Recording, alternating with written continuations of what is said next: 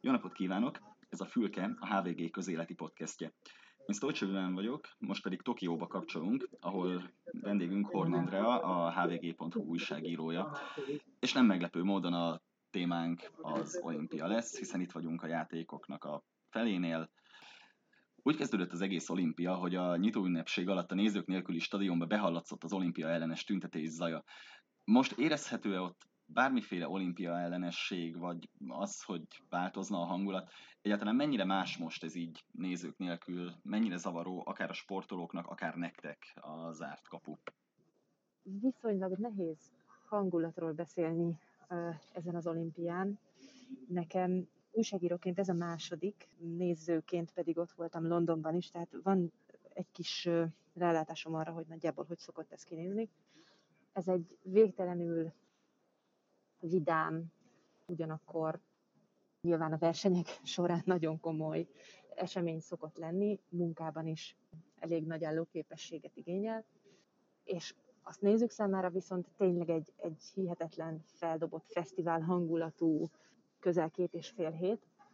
Itt egyelőre ezt nem tapasztaljuk, de nem tudom, hogy mondhatom-e, hogy egyelőre, vagy hogy inkább azzal kellene folytatnom, hogy egyáltalán mert nem annyira érezhető, hogy ebben a városban jelenleg olimpia zajlik. Az, hogy az olimpiai hangulat nem tapasztalható a városban, annak nyilván az az oka, hogy itt jelenleg egészségügyi vészhelyzet van a koronavírus járvány miatt, és nem csak, hogy vészhelyzet van, sajnos egyre emelkedő koronavírus számokat lehet olvasni a lapokban. Figyelmeztették az ide érkező tudósítókat, hogy a japánok egy kicsit tartani fognak attól, hogy mi a közelünkbe kerülünk. Éppen ezért a belépési folyamat is egy nagyon nehézkes, nagyon hosszadalmas jóváhagyási folyamat volt, többféle szűrővizsgálattal, aztán különféle applikációk letöltésével, és később is egy nagyon szigorú zárt rendszerben engednek csak minket mozogni. Tehát mi viszonylag kevéssé látunk rá arra, hogy például Tokió belvárosában mennyire él az olimpia, ha egyáltalán él. Ilyen külvárosban vagyunk elszállásolva, minket buszokkal hoznak, visznek, vagy esetleg engedélyezett taxitársaságok taxiaiba ülhetünk bele. Éppen ezért nem tudjuk, hogy ki vannak-e rakva mondjuk a Sibujánál a, az olimpia vagy a paralimpia kabalái, hogy fel van-e zászlózva, fel van-e díszítve a város több pontja arra utalva, hogy itt olimpia zajlik. Amit mi újságíróként jelenleg tapasztalunk, úgyhogy nem mehetünk ki a saját kis idézőjeles buborékunkból, az az, hogy a tokióiakat nem különösebben foglalkoztatja ez az esemény. A sportolók számára mennyire zavaró ez, hogy eh, nézők nélkül kell életük egyik legfontosabb eseményén föllépniük. A sportolóknál egy lihegőben zajló interjúnak általában elmaradhatatlan része az, hogy megkérdezik, hogy milyen a hangulata az adott verseny helyszínén. Az az érdekes, hogy mostanában ez a kérdés itt Tokióban nem is nagyon kerül elő, meg a sportolók sem nagyon beszélnek róla. Ha mégis előkerül, akkor általában az szokott lenni a válasz, hogy hát ők a saját versenyükre, a saját teljesítményükre próbálnak figyelni, összpontosítani, és egyébként is próbálják, amikor normális körülmények vannak a saját teljesítményükre összpontosítani az energiáikat, és persze adhat nekik lökést az, hogyha hallják a szurkolók buzdítását, de itt legalább mindenkinek, hát hogy mondjam, egyenes a pálya, tehát nem lejt sem erre, hiszen senkit sem buzdíthatnak tulajdonképpen a hazai pálya előnye is eltűnik így.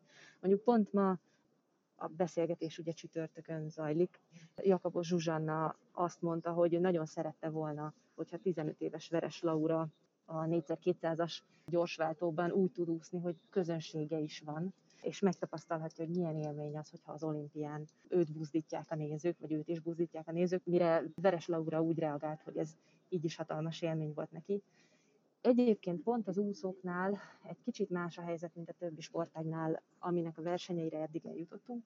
Ez azért van, mert az úszók ugye viszonylag a számaik gyorsan követik egymást, ott vannak az edzőik, ott vannak a gyúrók, ott vannak a csapattagok, és ők fel is ülhetnek a lelátóra. Korábban a japán szervezők azt mondták, hogy erre nem lesz lehetőség, tehát a versenyzők nem mehetnek egymás versenyeit megnézni. Úgy tűnik, hogy ezt a szabályt egy kicsit enyhítették, és most viszonylag nagy számban ül minden nemzetnek a csapata. Tehát az amerikaiak például elég nagy hangulatot tudnak csinálni, vagy a kínaiak.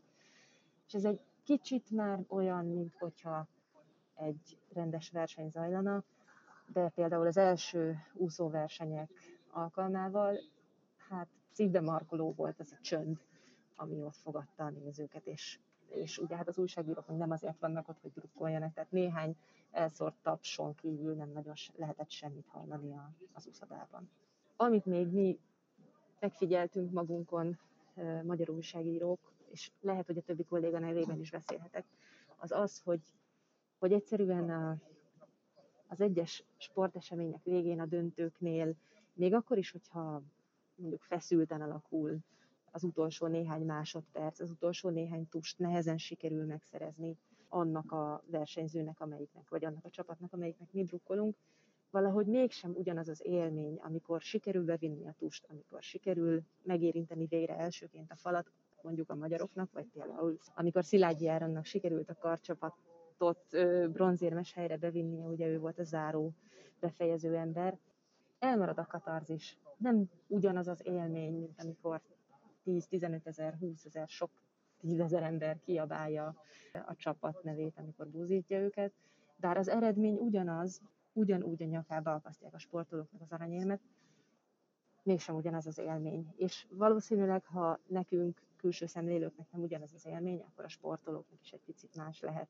És így, hogy ti vagytok újságíróként az egyetlen olyan külföldiek a stábtagokon és persze a sportolókon kívül, akik oda mehettek a versenyekre, mennyire érzitek azt, hogy a japánok komolyan vennék a járványügyi szigort? Ugye te olyan fényképeket küldtél nekünk a médiamunkásokat szállító buszról, ami hát nagyjából reggelente a hetes buszon szokott lenni. Milyen a, a helyzet ebből a szempontból Tokióban most? Újságírók, fotósok nem használhatják a tömegközlekedést az első 14 napban az érkezésüktől számítva. Éppen ezért mindenkit arra kényszerít a rendszer, hogy vagy ezeket a buszokat használja, amelyeket a szervezők biztosítanak, vagy pedig esetleg taxiba üljön, amit szintén a szervezők biztosítanak a számára, bár taxit hívni nagyon nehéz, úgyhogy általában marad a buszozás.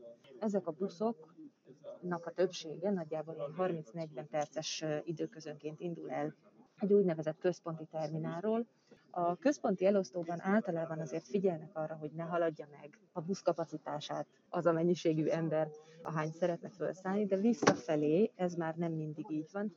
Egyébként a járványügyi szabályokkal betartatása sem az erősségük, mert bár nagyon sok mindent megköveteltek, azoknak, akik szerettek volna az érkezésük utáni három napban dolgozni, tőlük három darab PCR-tesztet kérnek, negatív PCR-tesztet.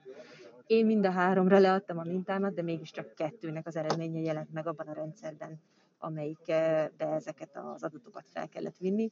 Úgyhogy remélem, hogy nem kopogtatnak majd egyszer az ajtómon azzal, hogy hát én valamit kihagytam a tesztelés során, hiszen én beadtam a mintámat. Arra nagyon figyelnek, hogy készfertőtlenítő folyadék mindenhol legyen. Egyébként ez már a olyan repülőtérinek tűnő beléptetésnél is kötelező, ott egyébként lázat is mérnek rögtön, és ha valakinek 37 és fél fölött van a testőmérséklet, akkor be sem engedik, őt rögtön elkülönítik. Készfertőtlenítés van minden helyszínen, amint az újságírók elhagyják a nekik is kijelölt plexifallal elválasztott kis munkaállomásukat, valaki odaugrik és elkezdi lefertőtleníteni a felületet. Tehát erre nagyon figyelnek, az ilyen nagyon gyakorlati, nagyon alap dolgokra.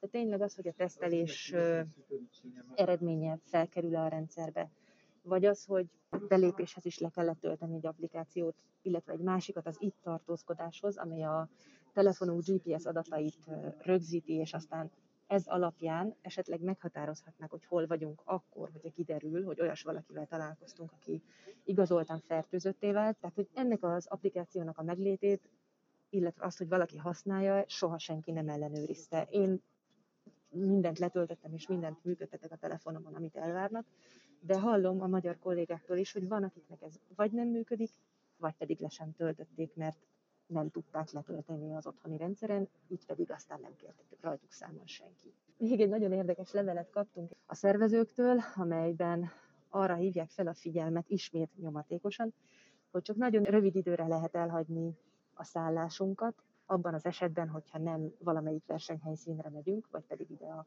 központi média centerbe, ahol éppen most vagyunk, és csak akkor, hogyha másképpen nem tudjuk megoldani az étkezésünket, például a hotelnek nincsen konyhája, mint ahogy az én hotelemnek sincsen konyhája, tehát én kénytelen vagyok egy kisboltba bemenni, vagy egy kifőzdénél elviteles ételt rendelni. Minden hotel elé küldtek egy biztonsági őrt, akinél van egy kis lista, amire fel kell iratkozni, hogyha éppen elhagynánk a hotelt, és azt is, hogy mikor térünk vissza. Ezt az akkreditációs kártyánknak a számával kellene jelölni, vagy pedig és egyébként ez az alaphelyzet, meg kellene kérnünk ezt az őrt, hogy kísérjen el minket a legközelebbi kisboltba.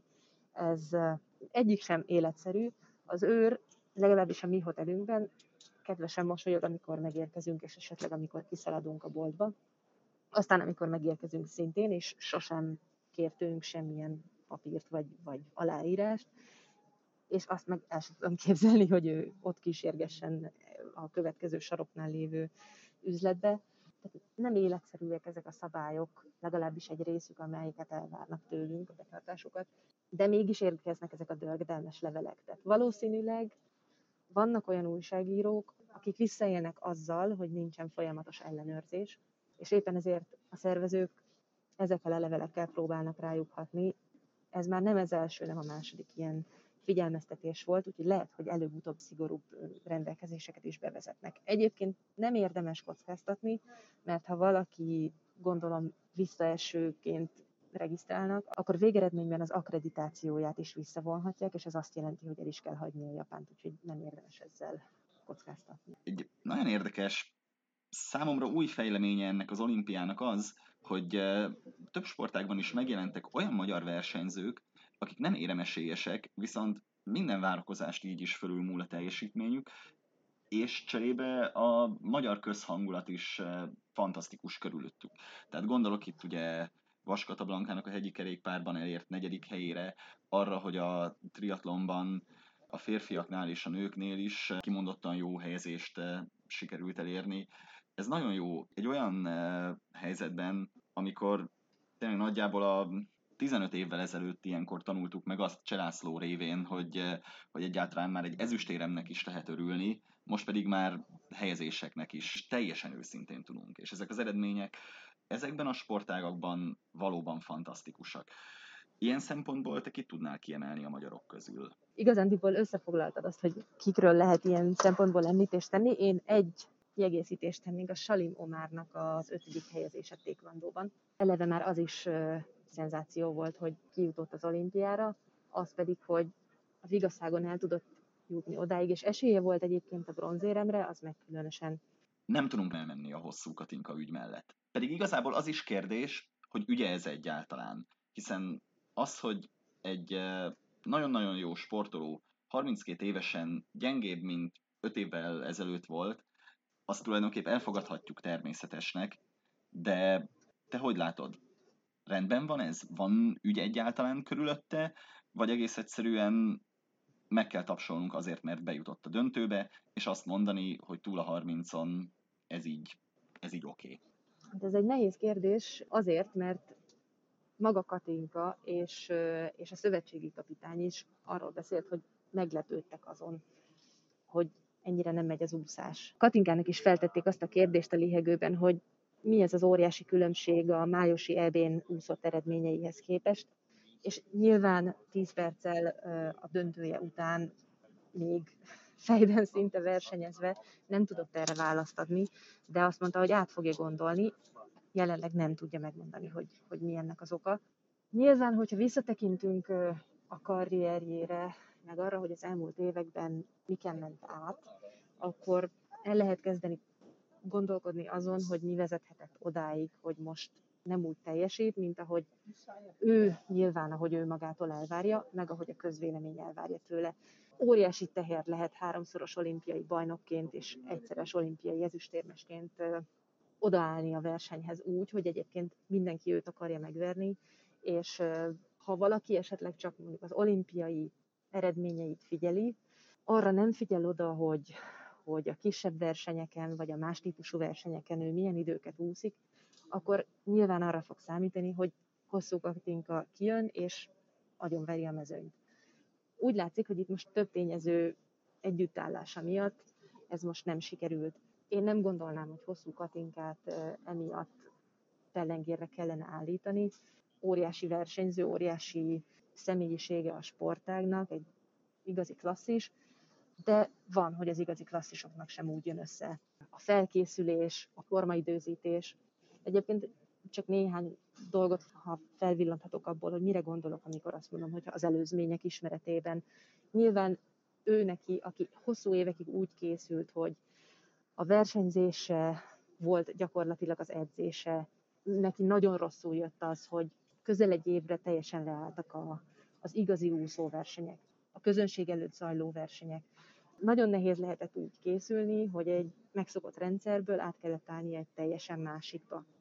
Azt sem szabad elfelejteni, amit említettél, hogy ő már 32 évesen a mezőny egyik legidősebb tagja, és pont volt egy szakportál, amelyik felhívta arra a figyelmet, hogyha például a 200 vegyesen sikerült volna győznie, akkor ő lett volna a legidősebb versenyző, aki valaha megnyerte ezt a számot.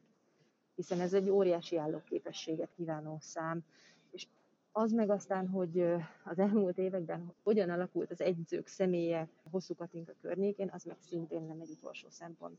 Ugye ő szakított a párjával edzőjével 2018 eleje felé, azután egy ideig egyedül készült, aztán egy rövid időre visszatért az amerikai edzőjéhez, aki a 2018-as EB-re készítette föl, utána készült Petrov Árpáddal másfél évig, aztán megint úgy döntött, hogy egyedül készül fel az olimpiára, aztán ugye az olimpiát elhalasztották, és az egyedüli felkészülésből az lett, hogy aztán Nagy József segítségét kérte, most pedig már Nagy József mellett egyébként hosszú Katinka párjának, Gelencsér Máténak a neve is ott van az edzői listán.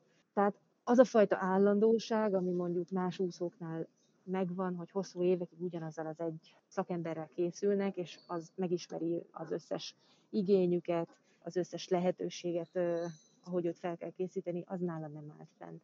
És egyébként Hosszú Katinka azt is mondta, hogy ő végeredményben ő volt az, aki a saját felkészítését felügyelte. Ő volt az, aki leúzta a számokat, tehát vállalja is a felelősséget azért, ahogy szerepelt, de én nem gondolnám, hogy ez ügy, hogy a kérdésedre konkrétan válaszoljak.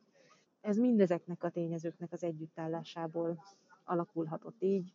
Azért, ha valaki látta ezeket a közvetítéseket a 400 és a 200 vegyes döntője után, minden rá volt írva az úszó arcára arról, hogy hogy hogy érzi magát ezek után, az eredmények után. Mit gondolsz, lett volna ekkora ügy az egészből, hogyha Hosszú Katinka nem saját maga tett volna nagyon-nagyon feltűnővé önmaga körül mindent két olimpia között is? Tehát azért ő nagyon a figyelem középpontjába pozícionálta magát. Ha nem lenne csúnya ezt mondanom, akkor akár azt is állíthatnám, hogy már-már bulvár szereplővé nőtte ki magát. Nem lehet, hogy, hogy itt erről is szó van, abban, hogy most azért pellengérre állítják? Az én érzésem az, hogy az utóbbi időben egyébként ebből kicsit visszavett. Kevesebbszer találkoztam az ő nevével mostanában, nem sporttal kapcsolatban. Beszéljünk az előttünk álló kicsit több mint egy hétről. Mire számíthatunk az olimpia második felében? Ha azt, azt várhattuk az olimpia előtt, hogy mondjuk az első héten az úszók fogják termelni az aranyérmeket, vagy hát egyáltalán az érmeket, ami ugye sajnos egyelőre nem így alakul, akkor a második felére viszont mindenképpen lehet mondani az olimpiának, hogy arra lehet számítani, hogy a kajakkenusok viszont remélhetőleg teljesítik az, azokat az elvárásokat, amiket eléjük kitűztek.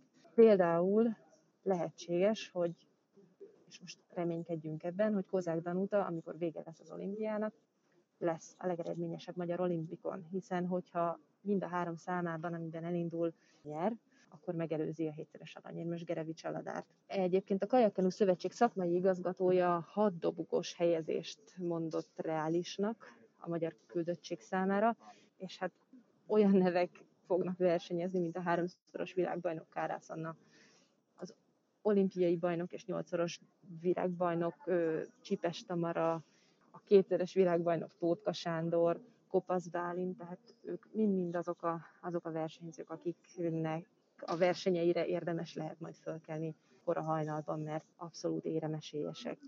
Aztán, hogy maradjunk még egy kicsit a hajóknál, meg a víznél, a finn hajóosztályban Berez Zsombor a vitorlázóknál áll abszolút éremesélyes helyen, és remélhetőleg tudja is ezt tartani. Ő augusztus első napjaiban lesz az ő döntője, úgyhogy azt is érdemes lesz figyelni. És aztán elkezdik persze a birkózók is, ott hosszú ideje tartja magát ez a várakozás, hogy a Rőrinc testvérek Tamás és Viktor dobogó esélyesek, vagy akár aranyéremre esélyesek is. Ugye az egyikük a 77, a másikuk pedig a 87 kg-osok között indul kötött fogású birkozásban, és mindketten első kiemeltként indulnak, és ez azt jelenti, hogy legalább az első vetétásukon nem lesz akkora nehézség túljutni, tehát lesz idő bemelegítésre, és persze az őtusáról sem szabad megfeledkezni, hiszen ott a londoni bronzérmes Marosi Ádám is indul, aki friss világbajnokként vesz részt a játékokon, úgyhogy ő 36 éves egyébként, és idén megnyerte a világbajnokságot. Úgy nyerte meg a világbajnokságot, hogy másodszor, és legutóbb 2009-ben volt ilyen eredménye. Tehát tényleg úgy tűnik, hogy valahogy nagyon elkapta a fonalat, és, és nagyon formába jött. Ott van még Péni István is a sportlövőknél, akinek még van egy száma, és az volt az érzésem az első egyéni száma után, hogy nagyon-nagyon motivált arra, hogy ő most megmutassa azt, hogy mire képes, főleg azokkal az előzményekkel, amelyek után idejött az olimpiára. Neki volt az a doping védségszerű esete, ami valójában aztán nem is doping védség volt, mert kiderült, hogy szabotás áldozata lett, és egészen másfél hónappal az olimpia előttig kétséges volt, hogy felmentik-e, de itt lehet, és most már nem kell attól tartania, hogy, hogy ebből az ügyből bármi lesz, vagy ez bármilyen módon visszahullik rá. Úgyhogy teljesen az olimpiára koncentrálhat, és nem kell mással foglalkoznia. Ami az olimpiának a magyar sportolókon kívüli részeit illeti, a legtöbb olimpiának van valami nagy nemzetközi sztoria. Az olyanok, amikről, amikről mindenki beszél, még a, az adott sportoló hazáján kívül is. Szerinted az idei olimpiáról mi lehet az, ami ilyenfajta történet? Mindenképpen ide tartozik Osaka Naomi-nak a viszonylag gyors kiesése. A négyszeres Grand Slam bajnok volt az, aki meggyújthatta az olimpiai lángot itt a hazájában, és ő lett az olimpia arca világszerte. Ehhez képest meglepő, hogy gyakorlatilag egy óra alatt elvérzett a tenisz versenyen. Aztán ott van Simon Biles, akitől mindenki azt látta, hogy hogy itt újra megcsillogtatja a tehetségét, és mindent megnyer, amit csak megnyerhet, ahogyan Rióban. Itt egy kicsit azért a párhuzamot lehet érezni hosszú Katinkával talán. Ő visszalépett a csapat döntőtől, mentális problémákra hivatkozva. Arra hivatkozott, hogy nem tud rendesen összpontosítani, és egy úgynevezett twist nevű jelenség lépett fel nála, ami általában, ahogy utána olvastam a, a szakportálokon, egy mentális blokkot jelent, és ilyenkor, amikor a tornászok a levegőben mutatnak be bizonyos mozdulatokat, akkor egyszerűen elveszítik az orientációs képességeiket, és nem tudják megállapítani, hogy hol vannak, vagy pontosan abból a mozdulatból, amit elindítottak, milyen másik mozdulatot kellene elvégezni. Tehát igazándiból a testük és az agyuk közötti kapcsolat egy kicsit megszakad, és ez rettentő veszélyes, főleg mondjuk egy ugrásnál. Báeznak pedig olyan iszonyatos mozdulatai vannak, tehát azért mondom az iszonyatos, mert elképesztő nehézségű gyakorlatokat mutat be, hogy egy-egy ilyen blokk akár életveszélyes sérülésekbe is kifuthat, és éppen ezért ő azt mondta ugyan, hogy nem akarta az amerikai csapatot megfosztani az érem megszerzésének lehetőségétől, amiatt, mert ő képtelen megfelelően teljesíteni, de itt valójában azért nem szabad elfelejteni, hogy ebben a sportágban akár a versenyzők az életükkel is játszhatnak egy mozdulatnál, és nyilvánvalóan az életét azért nem fogja kockáztatni, hogy olimpiai aranyérmet esetleg megszerezzen. Aztán ott van még egyébként egy másik érdekes sztori, ez a német tornásznőknek a kezes lábasa. Ugye ők szakítottak azzal a hagyományjal, hogy ebben a fürdőruhaszerű, de hosszújú mezben versenyeznek, és ők hosszújú, hosszú szárú kezes lábast húztak, amivel gyakorlatilag az ellen próbálnak tüntetni, hogy az ő sportukat szexualizálja a nagy közönség. Nem ez az első, hogy ők ebben a ruhában álltak kiversenyezni, de ez az első, hogy olimpián tették meg. Ez a történet is elég érdekes viharokat kavar, főleg, hogyha párhuzamba állítjuk azzal, hogy megbüntettek strandkézilabdázókat azért, mert nem szerettek volna a bikini alsóban versenyezni, hanem kisnadrágot húztak. Ez a nők által végzett sporttevékenységeknek egy olyan része lesz, amiről biztos, hogy fogunk még hallani, ez az öltözködés és az, hogy ők mennyiben határozhatják meg azt, hogy miben szeretnének, vagy miben kényelmes számukra versenyezni. Ha még egy picit negatív akarnék lenni, akkor nem szabad elmenni a német kerékpáredző ügye mellett sem, aki egy algériai és egy eritreai versenyzőt tevehajcsároknak nevezett. Aztán ott voltak azok a sportolók, akik nem voltak hajlandók izraeli ellenfél ellen kiállni. Sajnos ezeket a negatív ügyeket egyre másra lehet sorolni. Remélhetőleg a későbbiekben nem ilyen hírekkel lesz tele a sajtó, hanem valami pozitívval is, valami fair play, segítségnyújtás, ez ilyenek általában az atlétikai versenyeken egyébként mindig előfordulnak, úgyhogy reménykedjünk, hogy hamarosan ezek a témák is előtérbe kerülhetnek. Hát reméljük. Egy gondolat erejéig egyébként még eh, Osaka és Bász ügyére visszatérve. Ugye ezt a kettőt azért összeköti az, hogy eh, két olyan sportolóról van szó, akik eh, panaszkodtak arra, hogy hogy mentálisan gyakorlatilag már-már elviselhetetlen az, amekkora terhet az élsport rak rájuk. Ráadásul nagyon fiatal emberekről van szó, tehát hogy poénkodhatunk azon, hogy, hogy egy átlagember 20-as évei első felében mondjuk az egyetemi vizsgajelentkezésekkel küzd, más meg egy olimpiai felkészülésben próbál a világ egyik legjobbja lenni, de ez mentálisan tényleg rettenetesen sok. Lehet szerinted ez a téma, a sportolók mentális épsége az egyik olyan központi ügy, amivel most hirtelen elkezdhetünk komolyabban foglalkozni? Feltétlenül, és nem csak most van ez így. Egyébként pont Tóth Krisztiánt említettem, hogy ő is ugyanerre hivatkozott Rióban. Nagyon sok magyar sportolótól is lehetne idézni, akik arról beszéltek, hogy olyan terhet jelent számukra az olimpia nyomásának az elviselése, amivel egyszerűen képtelenek megbírkózni. Még úgy is, ezek szerint, úgy is nehéz ezzel mit kezdeni, hogy nem nyomasztja őket legalább az a teher, hogy sok ezer vagy sok tízezer ember előtt kell szerepelniük. Az, hogy olyan nagyágyú sportolók mondják azt, hogy, hogy nem tudtak megfelelően felkészülni, vagy egyszerűen annyira leblokkolja őket a sportversenyek csúcsának ö, nyomása, az feltétlenül arra utal, hogy előbb-utóbb lesznek mások is, akik hajlandóak, képesek lesznek arról beszélni, hogy ez mit jelent, és képesek lesznek maguknak is azt mondani, hogy ha ezt mentálisan nem tudják elviselni, akkor inkább visszalépnek. Nagyon sokan nyilván úgy vannak azzal, egyébként Biles maga is ezt mondta, hogy sokáig azt mondta, hogy elviseli, megküzd vele, inkább megcsinálja összeszorított foggal is. Lehetséges, hogy a sportolók azt fogják érezni azáltal, hogy világsztárok képesek megállt parancsolni maguknak, és azt mondani, hogy ők ezt inkább már nem csinálják, mert nem ér ennyit az olimpiai arany, hogy az ő egészségük ennek kárát lássa, mások is így fognak tenni. Én nagyon remélem, hogy egy hét múlva ilyenkor már úgy fogunk visszatekinteni erre az olimpiára, mint ami magyar szempontból is sok sikert és, és nagyon nagy élményeket hozó olimpia volt. Illetve ugye szóba került az is korábban, hogy Tokiónak az egyik tétje az, akár új sportágok bevonásával, hogy sikerül-e megmenteni az olimpiát, sikerül-e a fiatalok eh, érdeklődését fölkelteni. Azt gondolom, hogy eh, ez a téma az, eh, amiről most igazán okosan nem tudunk mondani még semmit, hiszen ugye a téli olimpiai játékokon nagyjából 20 évvel korábban elkezdtek fiatalos vagy fiatalosnak gondolt sportágakat behozni. Úgyhogy szerintem ez az a rész, aminek adjunk időt még, hogy vajon sikeres lesz-e ilyen szempontból a mentőakció. De azért egy kérdést megér, hogy ti ott helyben milyennek élitek meg ezt most, mit láttok most így a hangulatból az, az új sportágak behozatalával? Ezt a helyszínen meglehetősen nehéz megítélni, főleg úgy, hogy nekem sajnos nem volt szerencsém elmenni például gördeszka versenyre, falmászás ugye meg még nem is volt, hullámlovaglás az, ami lement. Ebből néhány pillanatot elkaptam a tévében. Mivel nincsenek nézők, így meglehetősen nehéz arról beszélni, hogy vajon milyen hatást váltott ki, mennyire volt látványos az adott sportág egy-egy futama vagy egy-egy versenye. De az biztos, hogy ez jó irány, még ha talán nem is a hullámlovaglás lesz az, ami megmenti az olimpiát, az biztos, hogy például a falmászás rettentő izgalmas verseny önmagában is, hogyha ezt meg olimpiai körülmények közé teszik, az biztosan nagyon sokakat fog vonzani.